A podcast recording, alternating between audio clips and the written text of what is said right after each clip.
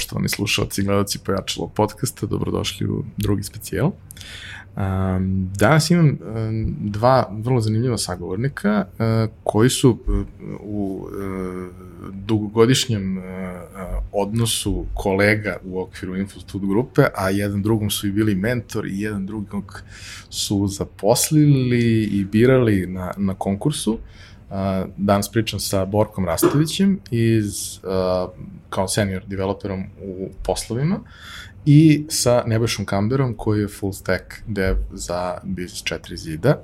I ono čemu ćemo se danas baviti je kako zapravo uh, izgleda razvoj na proizvodima koji već postoje, u masovnoj su upotrebi, vrlo su kompleksni, m, suštinski moraju da rade uvek 24 sata, moraju da budu dostupni, a prosto zahtevaju razvoj, zahtevaju neke nove stvari, a i naravno prirodno dešavaju se problemi, dešavaju se izazovi, kako se tako nešto uh, rešava na dva različita primjera u, u okviru uh, Infostud grupe. Uh, za početak bih voleo samo da ljudima malo jasnije oslikamo uh, vaše pozicije. Uh, Borko, ti si u grupi već 15 godina. Uh, šta je tvoj uh, danas, da kažemo, šta je tvoj uh, okvir posla uh, koji radiš? Pa evo ovako, tu sam, kao što kažeš, već 15 godina, čini mi se da sam prošao kroz sve faze razvoja Infostuda. Imao sam sreću da, da mi ovo bude prvi jedini uh, posao na koji sam konkurisao preko interneta. I eto, nekako se, nekako se desilo da, da sam se i zaposlio. Uh, da sam konkurisao preko Infostuda i da sam se zaposlio u Infostudu. I uh, zaista smo kroz, kroz ovih 15, 15 godina prošli kroz razne faze razvoja, menjali smo kancelarije, čini mi se, tri ili četiri puta, uh, infrastruktura se sama razvijala od uh, nekog uh, hostinga u Nemačkoj uh, preko uh, virtualnih mašina pa dedicated mašina koje smo iznajmljivali, pa sad trenutno imamo sopstvene servere u Beogradu, kompletan rek sa serverima u Beogradu, eto to je onako nekako kroz to smo prolazili. Moja trenutna trenutno radim kao senior software developer, uh, radio sam dugo godina u, u PHP-u, do, tačnije do pre dve godine, uh, sada smo se, kako se Infostud, kako se poslovi razvijaju, kako se Infostud, Infostud razvija, uh, pojavila se potreba za uh, malo razvojem uh, infrastrukture za prikupljanje podataka, pa sam malo se više orijentišem na oblast koja je vezana za data engineering, uh, pa sam se orijentisao ka, ka, ka toj oblasti, malo više radim u, u, u Pythonu umesto u PHP-u, uh, uh, radim u timu koji ra, radim u timu od dva čoveka, uh, od kojih je jedan data scientist uh, uh, i eto, ovaj, trenutno radimo na, na servisima koji e, e, bi trebalo da obrađuju malo veće količine podataka. e, koje, koje ćemo početi da prikupljamo tačnije, eto. Mislim, dobro. možemo, posle ćemo pričati malo i detaljnije. Dobro, dobro. Uh, ti si bio na razgovoru za posao, uh, jedan od uh, ljudi koji su radili evaluaciju i razgovor kada je Nebojša uh, konkurisao, a to kako je Nebojša konkurisao je uh, posebna priča. Um, Nebojša, šta je tvoja pozicija danas, uh, šta ona podrazumeva i kako je izgledalo tvoj dolazak u Infostud pre 10 godina? Pa nisam nikad verovao da ću se ovim baviti u životu. Pratio sam neki utabani put i završio sam prava. A, sve vreme studija sam honorarno pravio sajtove, freelance. Ovaj, tada to, ta reč nije bila toliko popularna, niti je ovaj, bila toliko aktuelna u medijima. I kada sam završio fakultet u fazi traženja posla, odlučio sam jednom da pošaljem CV i za programera ovaj, zato što sam puno vremena provodio upravo na sajtu poslovi Infostud tražeći posao i video sam neke stvari koje bi se možda mogle unaprediti i kad sam vidio da, da ima otvorena pozicija za programera, rešio sam da konkurišem. I došao sam tamo i nisu baš puno očekivali jeli, od pravnika, ali obzirom da sam tako 5-6 godina radio freelance pre toga, ovaj, nekako sam im prenao da volim to što radim i jako mi nije glavna struka i da sam voljan da se usavršavam i eto, 10 godina kasnije mislim da sam se ovaj, donekle usavršio. A kakav je tvoj utisak, kako ti pamtiš mhm. taj intervju? E, pa, Nebojša je tada bio, koliko se ja sećam, on je bio najbolji kandidat za tu poziciju tada.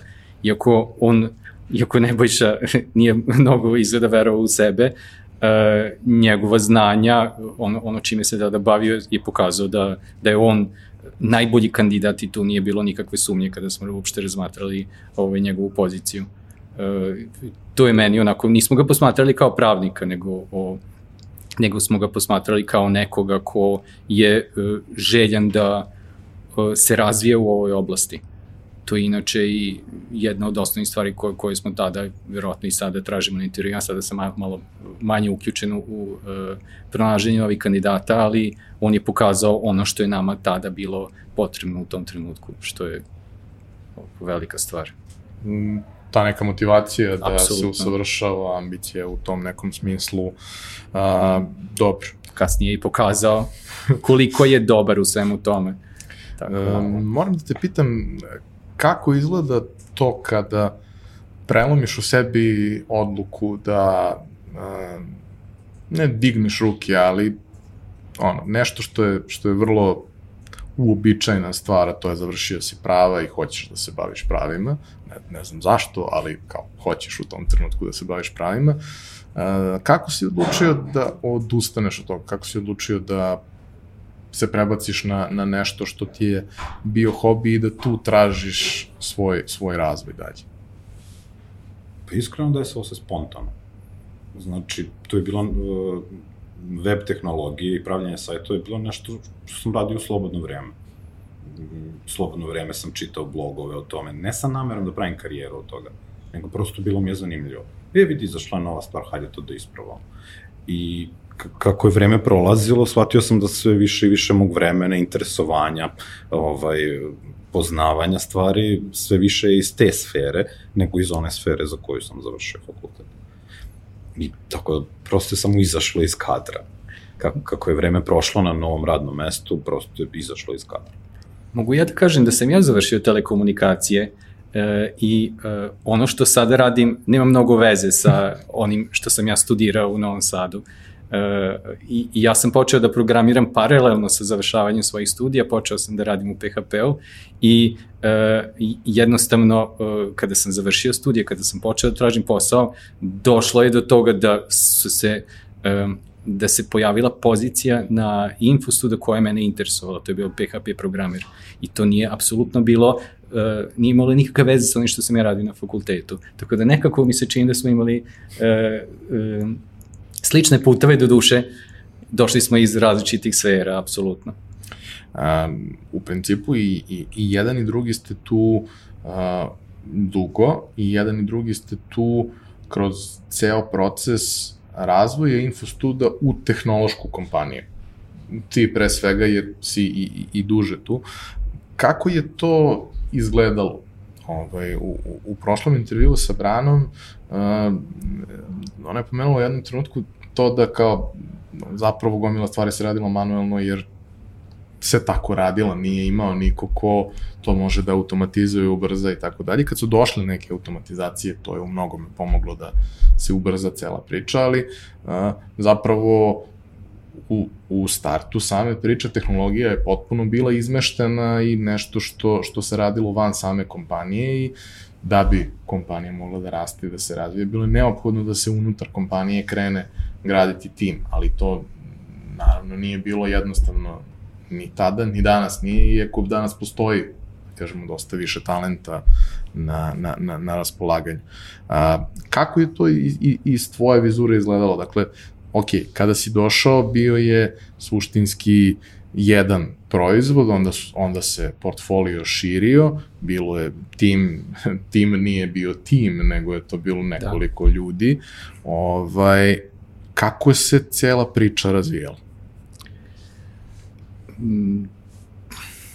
Pa evo, počeli smo sa jednim sajtom, ili čini mi se kada sam ja došao, to je bio, uh, bio taj korporativni sajt uh, infostud.com, uh, imali smo još i sajt poslovi infostud.com, posle toga je onako smo, ovaj, je Infosud počeo da se razvija, da razvija svoje biznise i pojavili su se drugi sajtovi.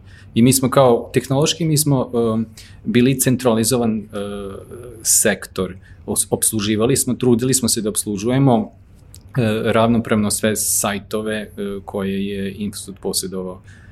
Ovaj, jedno vreme su svi ti sajtovi bili na jednom serveru, posle toga smo, eto, infra, sama infrastruktura se, kako se organizacija razvijala, tako se razvijala infrastruktura. Tako smo i mi počeli da se specializujemo po uh, određenim sajtovima, sajtovi su počeli da se razvijaju prema određenim tehnologijama, uh, i evo, da bismo došli sada na ovo što sad imamo, da, da, da svaki od sajtova ima, ima praktično svoju, uh, ima svoj programski jezik koji je uglavnom PHP na svim sajtovima, ali nije ista nije, nije, nije e, isti varijet, varijetet uh, e, PHP-a, e, imamo različite baze, poslovi su recimo na MySQL-u, uh, četiri zide su na MongoDB-u, tako da nekako smo, ovaj, kako sa tom specializacijom, razvojem, tako smo, tako smo i otišli smo u različitim tehnološkim pravcima svi sajtovi koje, na kojima radimo.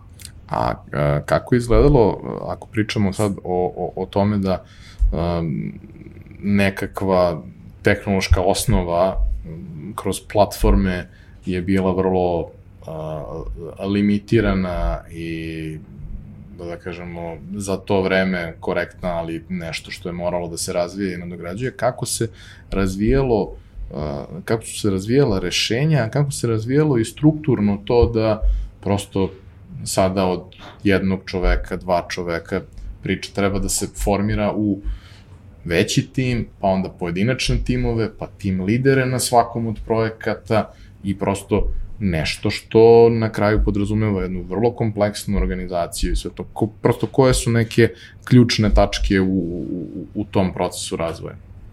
E, možda Nebojša može, da može da mi pomogne. Mislim da smo u početku svi bili uh, full stack developeri, svi smo znali PHP i JavaScript. Jeste, leteći Posle se pojavio i, i, i jQuery, pa smo naučili jQuery pa e, i MySQL naravno e, smo znali.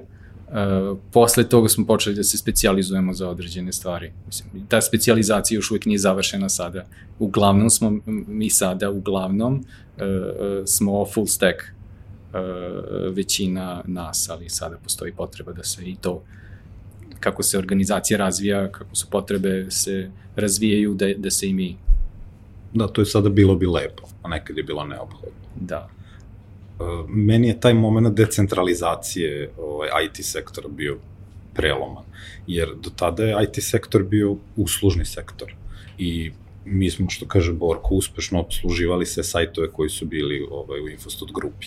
Ali ti si danas radio na jednom sajtu, sutra na drugom, treće, treće nedelje na trećem i ovaj, nisi uspeo da napraviš neku dublju emotivnu vezu sa codebase-om, niti sa biznisom za koji radiš. Uh, neke stvari prosto nisi ni mogao toliko da ispratiš jer bi neko drugi preuzeo tvoj rad posle nekog vremena. Tako da u tom momentu nismo mi nismo bili dedicated programeri, dedicated za biznis. I u tom momentu decentralizacije, ta odluka mislim da bila super, što je bila u jednom momentu i za sve biznise. Prosto uzeli su mali tim, mali IT tim i makar jedan čovek, makar dva čoveka, ali vi idete sada u taj biznis. Znači, vi ćete raditi u sklopu tog biznesa, vi ćete u sklopu tog, tu su bile lične želje, tu su bile malo i ovaj, kompetence ovaj, presudne, ali od tog momenta mislim da smo mi uh, postali ovaj, uh, business dedicated developeri i tada smo mnogo bolje osetili kako uh, biznis diše, osetili koji su specifični problemi tog biznisa i tako su se i razvile nove tehnologije, jer za različite probleme imate različite rešenja i negde je nešto adekvatnije primeniti, u nekom drugom kontekstu nije, a čovek koji je dedicated na nekom projektu i radit će na njemu i danas i sutra i daj Bože za 10-15 godina, ovaj, onda razmišljaju o budućnosti. Da, Gleda kako. će više truda u to. gleda kako da refaktorizuje, kako da sredi, kako da uh, stvari učini održivim, da, da taj razvoj učini održivim, jer će on sutra raditi u tome. Mi smo prošli kroz jednu veoma nezgodnu fazu, uh, bar mi to za programere bilo jako nezgodna faza u kojoj smo, uh, kojoj se dešavalo da uh, smo bili, naše vreme bilo budžetirano u tom smislu da jedan dan smo radili tri sata za jedan sajt, pa smo tri sata radili za drugi sajt, pa je, pa je ostatak radnog vremena bio rezervisan za neki drugi sajt. I to budžetiranje je bilo jako je bilo teško e, prebacivati se sa tehnologije, sa logike, sa jednu na drugu i, e, i, i ja to pamtim kao jedan od težih perioda e, kroz koji smo prolazili. Sećam se da sam tada rekao, da mi je tada tadašnji šef, da mi je rekao, kada sam ja izrazio želju da želim da radim samo poslovima, rekao je pa ne možeš samo da radiš na poslovima, onako i drugi sajtovi imaju potrebe. Ali evo, sada smo razvojem organizacije, smo došli smo do toga da da možemo da radimo i da brinemo i da nam, e, da nam znači ono što smo napisali, da možemo da refaktorizujemo sobstveni kod, što je za programera jako bitno, čini mi se, u njegovom u, u razvoju svakog programera, da on može da uči na sobstvenim greškama, jer e, na kraju krajeva niko ne voli da, da gleda tuđi kod, eto, to je nekako Dobro, je... naravno, da, ali mislim ali svakako, mora, svakako mnogo znači da možeš da se fokusiraš na jednu stvar, da si nju, možda ne od nule, ali da si nju razvijao neko duže vreme i ne moraš stalno da svičuješ u glavi između stvari, da se prisjećaš, da čitaš dokumentaciju, da se snalaziš. Naravno, poslovi zahtevaju, ne poslovi infostud, nego posao kao, kao takav, nekad zahteva i tako nešto, nekad zahteva. Kad je to incident, to je okej, okay, ali kad je to modus operandi, to istrpljuje jako puno ljudi. Uh, sa druge strane, kad si dedicated, ti u suštini nisi samo developer, nego si ti deo tog biznisa, vrlo važan deo, jer prosto, iako nisu svi, sve vertikale infostuda IT ekstremno napredne i tako dalje, sve one jesu bazirane u tehnologiji, sve one se ostvaruju i realizuju kroz digitalne kanale i tako dalje.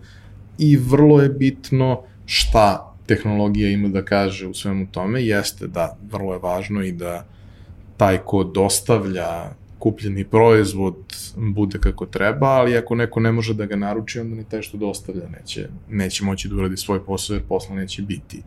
A, kako izgleda taj deo priče? A, verujem da svakome ko a, prevaziđe one neke a, ulazne korake u industriju, postane važno da radi na stvarima u koje veruje i za koje smatra da imaju smisla. A, to je, čini mi se, i vama glavna motivacija u celoj. Vi vaše proizvode znate u dušu ljude sa kojima radite, na njima takođe. A, kako je prosto, kako prosto izgleda saradnja iz vašeg ugla, iz tvog konkretno, a, kada se razvija jedan, jedan proizvod gde i biznis i tehnologija treba da sarađuju na tome da se pronađe rešenje koje će biti dobro. Pa, baš kao što si rekao, znači, potrebno je da verujemo u to, to što biznis proizvodi i m, ja recimo volim da uh, svoj kod, so, proizvod na kom radimo, uh, da taj digitalni proizvod bude što približni realno jer mislim da se tada ovaj, dešava i manje grešaka i lakše se testira i može du, lakše da se održava na duži rok, ali to zahteva da neki put kada biznis predloži neke nelogične ideje ili nelogične predloge ili neodržive, da ti prosto moraš onda zauzeti stav, da ti neki argumentovani protivargument zašto misliš da to možda nije dobra ideja. I to mislim da pomaže dosta što se onda tvoj glas čuje. Kada nismo bili dedicated, taj glas se prosto izgubio jer si ti... Ti si što, samo servis. Ti si samo servis da, i jedan dan si radio na tome, drugi dan je naišao neko drugi kome to nije smetalo i stvari su otišle dalje. Ovaj, tako da, ovo mislim da je tešnja saradnja, imaš veću odgovornost, ali i veću moć uticaja. I po meni je to lepa simbioza između biznisa i proizvoda. A u tvom slučaju pričamo o proizvodu koji je uh, osnovni proizvod od koga je sve ovo nakon toga i nastalo. I najvažnije je da kažemo i verovatno i za samu Infostud grupu, ali i šire posmatrano društveni kontekst jedan od najvažnijih sajtova u Srbiji, dakle pritiska nema gotovo uopšte. E, kako izgleda e, raditi na tome sa, sa velikim timom, sa e, ljudima koji imaju mnogo iskustva, jer pričamo o nečemu što postoji više od 15 godina, a na tržištu koje je izuzetno zahtevno i kompetitivno i kompleksno, sa velikom količinom podataka, gde čak i neke velike izmene nisu nešto što možeš da radiš. Kad si mali, kad te koristi 100 korisnika, baš ti briga. Promenit ćeš sve, pa ćeš da vidiš, pa mislim, da. najgora stvar koja može se desi je da 100 korisnika to ne koristi dalje, ali ovde pričamo o nečemu što koriste stotine hiljada ljudi. Mislim, ja i ne znam nikog ko se osim preko lične preporuke zaposlio na drugačiji način nego preko infostudija. Dakle, pritiska Jedna. nema uopšte. Nema apsolutno nikakvog pritiska. e, jako je bitno kod, kod rada u, u ovakvim kompanijama kao što, kao što je Infostud, e, možda je jedna od najbitnijih stvari je e, stabilnost proizvoda na kome radimo. E, možda nije bitno uh, uraditi neku stvar na najnoviji tehnološki način, ali uh, kada se to uradi, bitno je da taj proizvod funkcioniše sada i da nema pauze u, u, funkcionisanju tog proizvoda. Uh, recimo, mi smo imali situacije da, da smo, su nam određene funkcionalnosti nisu funkcionisale uh, poslednjih nekoliko sati radnog dana. To su, to su e, to su neželjene situacije u kojima mi tih nekoliko sati rada u kome su kandidati e, mo, mo, imali e, mogućnost da konkurišu e, e, na našem sajtu nisi tu bili, u, bili u mogućnosti zbog određene greške i mi smo sve to morali da ispravimo. E, nekako osjećamo se, osjećali smo dužnost prema e, kandidatima, to je jednostavno i zahtev biznisa je da e, sve funkcioniše savršeno. Eto, to nekako mogu da kažem da je jedna Uh, Dobro, to je cilj kome mora, da se, kome mora da se teži, ali kad razmišljaš na način da praviš nešto što treba da radi uvek i svuda, praviš to drugačije nego kad praviš nešto što treba da zasija i da pokaže maksimum kratkoročno, ali za dva meseca nije bitno kad da, da. da radi. To i jeste negde obojica ste u suštini se dotakli toga kao, kao, kao jedne, jedne važne stvari. Sad pomenuo si, uh, prirodna stvar je potpuno kada je nešto komplikovano, ovaj, a, a ovaj kada nije, ali na njemu rade ljudi. Ovaj, da se prosto javljaju greške i da ima raznih vrsta grešaka i raznih vrsta posledica koje, koje ove greške, greške donose. A, šta su, e, šta su vaše omiljene greške? Šta su neke stvari koje su se dešavale, koje su ono posebno a, o, ostavile ovaj, neki, neki utisak a, i, i šta ste naučili iz njih kao, kao ovaj, ljudi koji su radili razvoj? Pa ja mogu da kažem da ih je bilo mnogo. Da, 15 godina. Pa da, mogao sam, ranije sam mogao prosto iz uh, periodike tih gre, grešaka da brojim svoje godine u Infostudu. Praktično uh, svake dve godine se dešavalo nešto katastrofalno na sajtu, ali naravno, eto, to je uh, i uh, infrastruktura je bila komplikovanija, tim je bio manji, bila je veća mogućnost da se napravi greška, sada se nekako sve pokrivamo, veći je tim i jedni druge kontrolišemo, uveli smo i sisteme kojima e, kontrolišemo jedni druge ovaj, verzionisanje i, i slične stvari dobro. Ali što se tiče naših grešaka, pa ja sad, kojih, kojih bi mogao da se setim? Mi smo već pričali, vrlo smo otvoreni po ovom pitanju. Da, da, bilo je nekoliko, ovaj, bilo je nekoliko blog postova gde su ispričane te o, situacije ovaj, koje sada kada ih čitaš pr- prvo ti malo, malo ti zaigra srce, onda kad vidiš da se sve završilo kako treba, se, ono, da razgukuti se usta u kez, ali siguran sam da u, u trenucima kad se dešavaju to nije ni malo, ni malo prijetno. Hmm.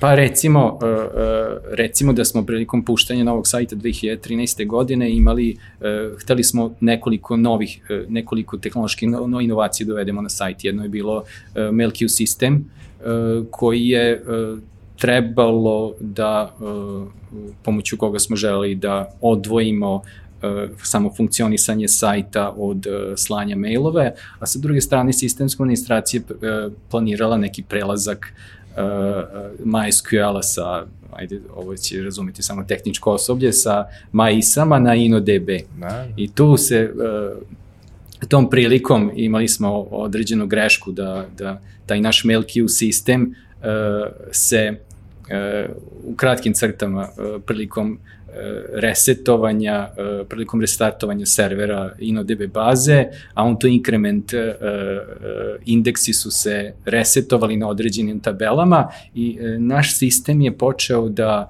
da, šalje proizvoljne attachmente na, na proizvoljne adrese. To je stvarno jedna od najgorih stvari koje se ikada desila uh, meni lično u karijeri. Dobro, do duše nisam bio, bio sam, bilo je tu dva senior programera koji su radili na tom sistemu, ali to su situacije u kojima mora da se reaguje sada e, i odmah i e, moraju da se e, kontaktiraju sve e, uključene stranke u tome, sajt mora da se zaustavi u minut, u momentu kada smo primili informaciju da možda postoji, na greš, e, e, postoji takva greška, sajt se stavlja uh, offline, mi pokušavamo da ispitamo ako smo dovoljno pametni, uspeli smo u, u tom slučaju da, da nađemo koja je greška, vrlo teško, besomučnim googlanjem, uh, našli smo tačno gde je bio problem, ali bez te analize problema nisam siguran da bismo mogli da pustimo sajt ponovo ovaj, uh, online, bez da znamo, da razumemo šta se zaista dešava na njemu. To su jako stresne situacije. Uh, meni jednom lično i... dve godine ni, nije to toliko. Uzme to, da, jednom u dve godine, ali, ali uzme mnogo, mnogo, mnogo živaca i uh, kompletan uh, biznis, nismo samo mi tek, tehnološki uh, ne utiče to na nas samo tehnološki, nego to je utiče na kompletan biznis i uh, taj pritisak je uh, poprilično uh, velik. Pritisak i odgovornost, ali i prilika da praviš razliku i da budeš heroj kad problem rešiš. Pa, da. I e, da se ta greška prizna, što je najbitnije, da, da kažemo, da budemo otvoreni prema svima, da, smo, da, da se to desilo zbog nas. Eto, to je nešto što, e, to su vrednosti koje mi ovde imamo u Infostudu, koje e, na, na osnovu kojih i živimo, tako reći. E baš, koja je tvoja omiljena greška? Pa bilo među tim blog postovima, baš mi smo glavni akteri tamo, među tim greškama. Mi smo sedeli zajedno, jel? Vas ste, da, u stvari, da. vas, vas su poslali zato što ste problematični. da, da.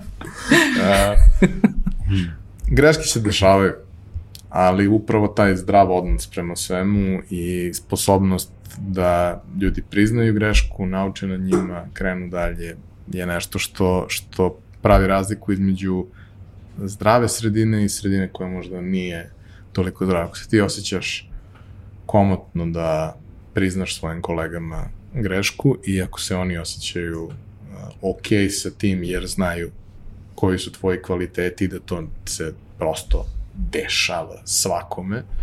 Mislim, ono, svako malo sad pa Google ne radi. Pa što Google ne radi, nije problem, nego što ne radi život. Jer ne radi život ništa, je na da. Google, mislim, infrastrukturno ili na, na Amazonu i tako dalje. Dobro. A, šta sam hteo da, da, da vas pitam obojicu? Obojica ste došli u uh, Infostud kao relativno mladi i bez nekog velikog profesionalnog iskustva pre toga. Imali ste dodira sa tim, to jeste svakako bitno, ali u suštini vi ste se kao a, profesionalci izgradili kroz Infostud, što implicira da u Infostudu imaš prostora da se izgradiš, učiš, usavršavaš, A, na koji način je to funkcionisalo iz, iz tvog ugla? Pa ovako, relativno brzo od kad sam se zaposlio, e, skrenuta mi je pažnja da kad vidimo neku zanimljivu stručnu konferenciju ovaj, ili seminar, da javim. I onda bi HR zajedno sa nadređenim ovaj, procenio da li bi to moglo biti korisno i za nas i za njih, i za firmu i za pojedinca, i onda bi nas poslali. I sad, to je, to je kod mene lično, koji inače volim i putovanja i volim da se usavršavam, bila win-win kombinacija. Ovaj, čak imamo sam jedan set od 10-15 razglednice iz svih evropskih zemalja gde sam sve bio po konferencijama.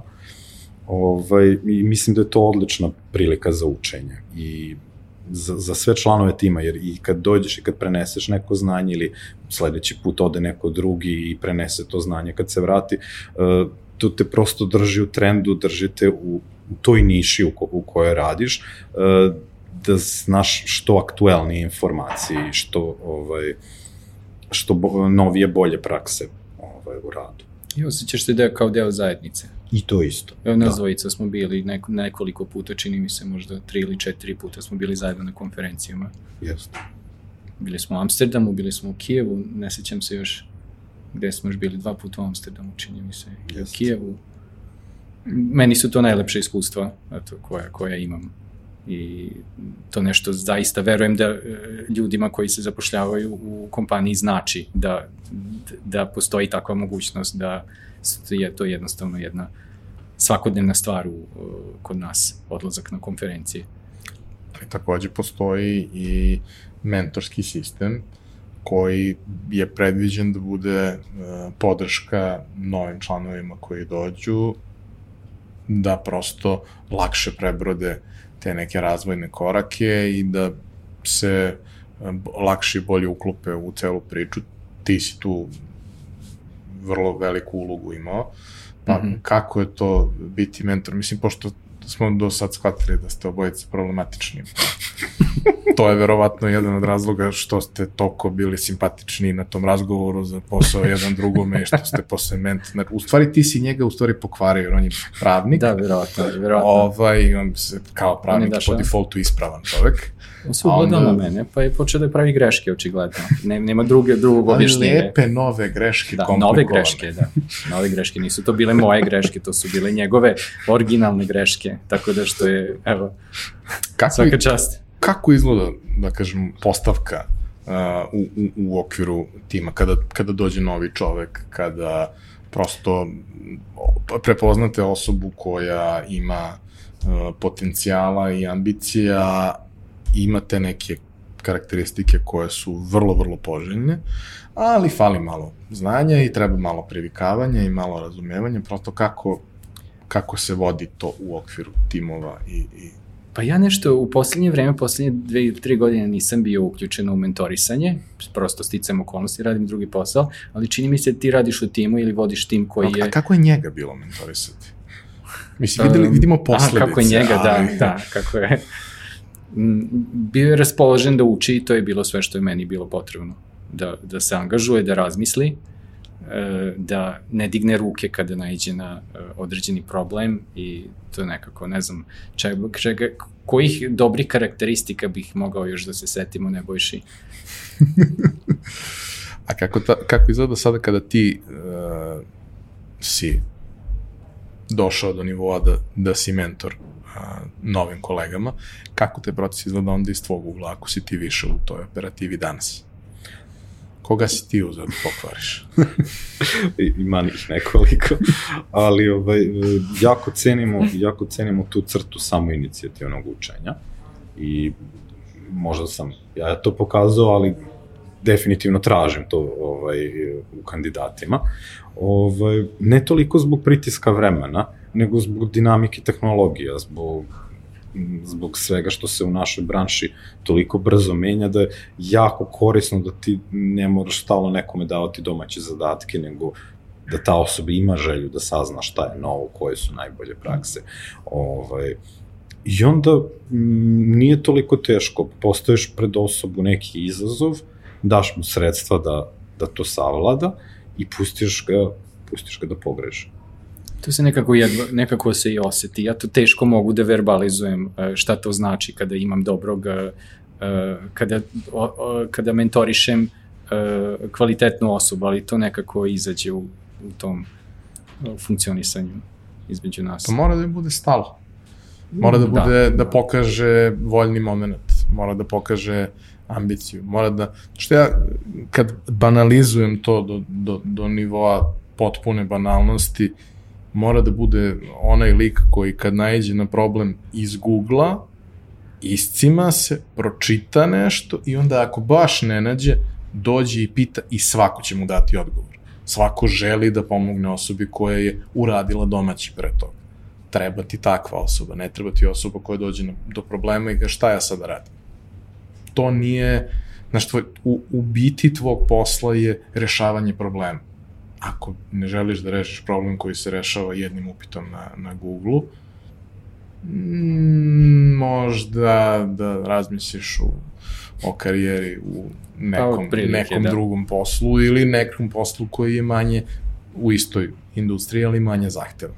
A, dotako si se tehnologiji Aha. i m, inicijalno si i ti pomenuo da kada razvijaš proizvod koji je za masovnu upotrebu i uh, koji vrlo često koristi najšira populacija, dakle ne praviš proizvod za sebi slične kolege koji se lože na sve novo što se pojavi, kao što se svi ložimo jer gikovi su gikovi, ovaj, praviš za najširu populaciju, praviš na to da, da to treba da funkcioniše na svakom uređaju, možda ne podjednako dobro, ali da zapravo radi svuda i svakome. Uh, to onda sa sobom nosi i, i neku zadršku u odnosu na, na najnovije trendove, a i razvoj uh, same stvari uh, je takav da u principu najčešće sačekaš da malo slegnu stvari pre nego što to primjeniš u celoj priči, ali uh, životni ciklusi proizvoda koje razvijate su takvi da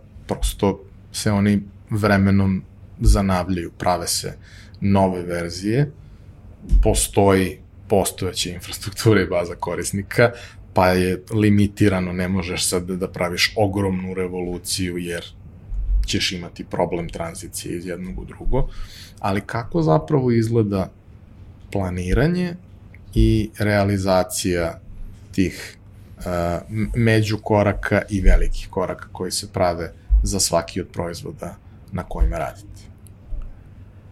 Mi smo nekoliko puta eksperimentisali sa, uh, sa prepisivanjem sajta i to je išlo je ponekad uspešno. Mislim da još uvek nismo našli odgovarajući model kako, uh, kako da određeni sajt, kako da uradimo tehnološki skop na, na određenom sajtu, uh, a da ne ugrozimo postojeću stabilnost.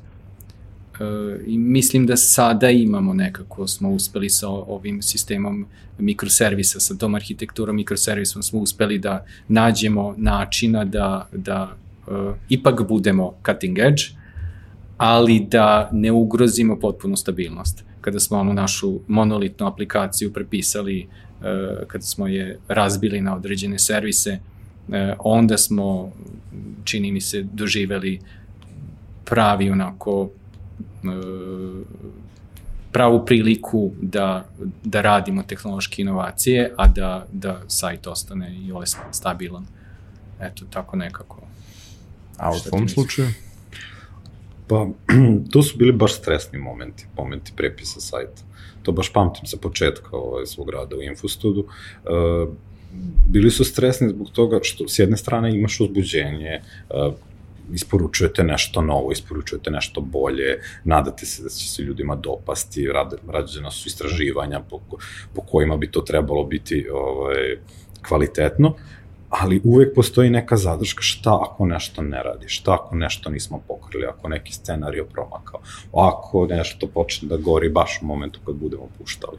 Ovaj, i, I u želji da se rešim tog stresa, uh, ovaj, jed, jednom kad smo ovaj, rešili prepisivati sajt polovne automobile, ovaj, dao sam predlog da počnemo parče po parče. I ne znam stvarno dakle mi ta, ta analogija, ali otprilike izgleda kao trebate da živite u jednoj kući, a trebate i da je okrečite. I sad kako je okrećete da nastojiš da živiš u njoj? U mom slučaju nikako. ne okrećete. pa da, ali mi smo, prosto, to je bila naša kuća koja živimo Naravno. i prosto neke stvari smo morali da menjamo i onda smo počeli sobu po sobu. Jednu sobu zatvoriš, sve stvari pomeriš ovamo, ovamo okrečiš, pa idemo dalje. Sledeću. I tako mic po mic. Duži peri, vremenski period moraš da živiš sa polu okrečenim stanom i duži vremenski period možeš da živiš sa hrpom stvari koje nisu na mestu gde bi trebale da budu, ali kada se proces završi, uspešno si ovaj, pregurao taj period. I nekako me najviše podsjeća na to. I sada kada sam u četiri zida, ovaj, sličnu, sličnu strategiju primenjujemo i ovde. I, i generalno, ono, gledaš da osnovna funkcionalnost ne bude ugrožena.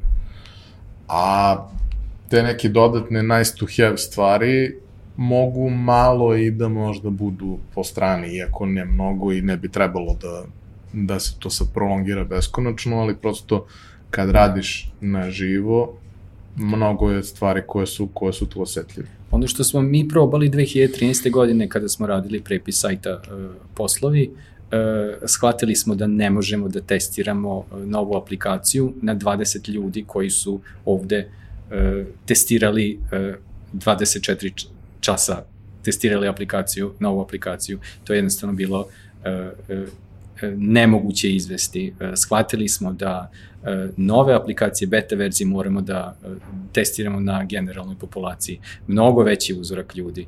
Da ne može ovde Da se simulira u, u kućnim uslovima. Da, da, da. Nemoguće je da 20 ljudi ovdje koji su 100% e, svog vremena angažovani na testiranju, da otkriju e, e, te greške koje će generalna populacija, hiljade ili, ili desetine hiljade korisnika otkriti u, u sekundi. Eto, to je nešto što smo naučili 2013. godine.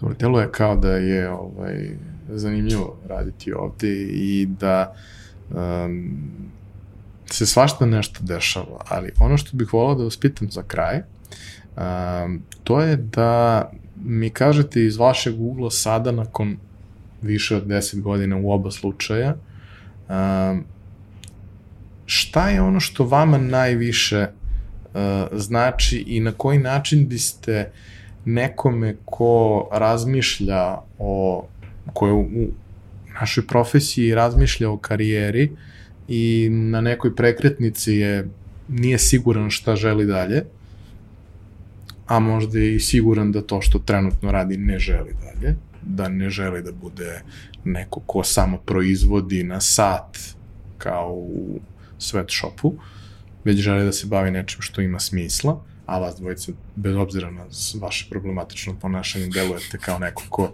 e, voli da radi to što radi zato što osjeća da te stvari imaju smisla. Um, šta je šta je u tvom slučaju ono zbog čega ti želiš da budeš ovde i šta misliš da treba da preneseš kao poruku ljudima koji razmatraju da krenu možda putem infostuda?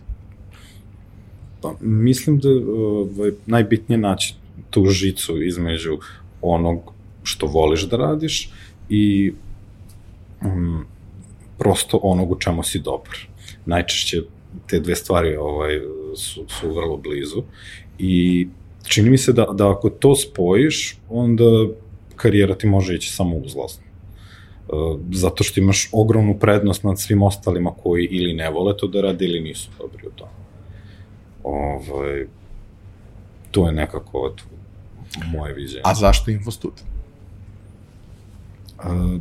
Zato što su mi dali mogućnost da se napredujem. Zato što su me podržali u svim mojim aspiracijama ovaj, i za napređenje karijere koje su bile i za mene dobre i za firmu dobre.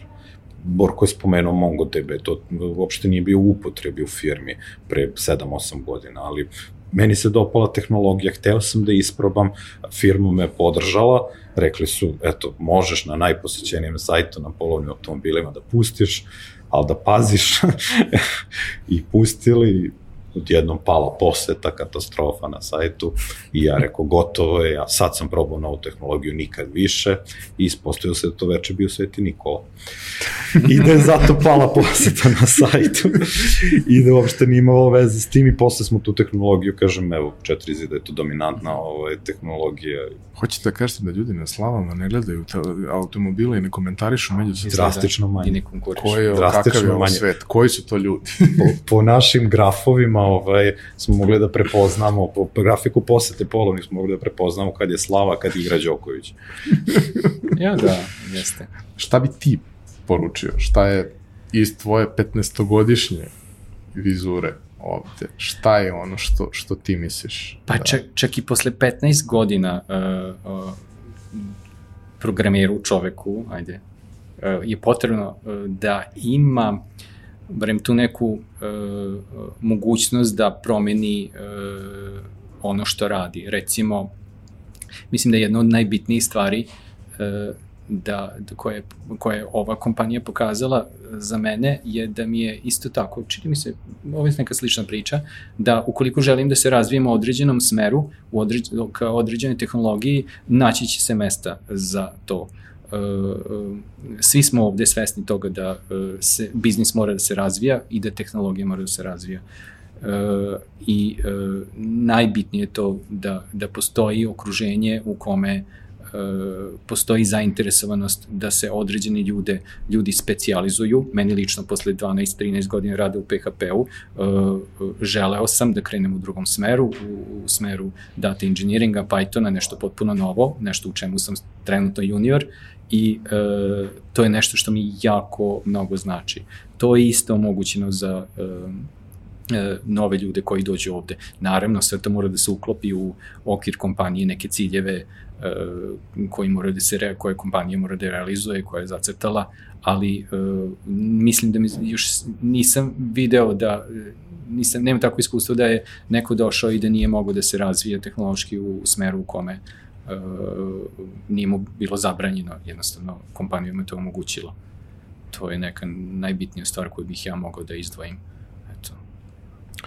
E pa hvala momci. Uh, mislim da ste podelili neke uh, veoma dragocene stvari i neke vrlo zdrave vrednosti na kojima ova priča počiva i verujem da je to jedini način da neka priča funkcioniše 20 godina bez obzira na sve izazove i probleme koje tržište nosi sa sobom, da ako, ako je na zdravim osnovama i ako su tu ljudi na prvom mestu, stvari jednostavno mogu da funkcionišu, rastu sa svim svojim izazovima, ali ako si zadovoljan, naći ćeš način da prevaziđeš izazove, naći ćeš način da se uklopiš, naći ćeš način da se nekada podrediš timu, zato što će se tim nekada podrediti tebi i u suštini radit ćeš u jednom zdravom okruženju sa nekim sjajnim ljudima, bez obzira na to što ponekad mogu da budu problematični.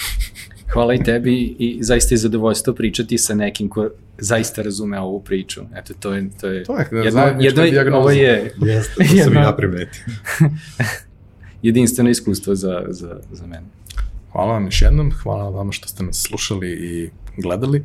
Uh, vidimo se u redovnoj epizodi u nedelju, a u narednom specijalu naredne srede.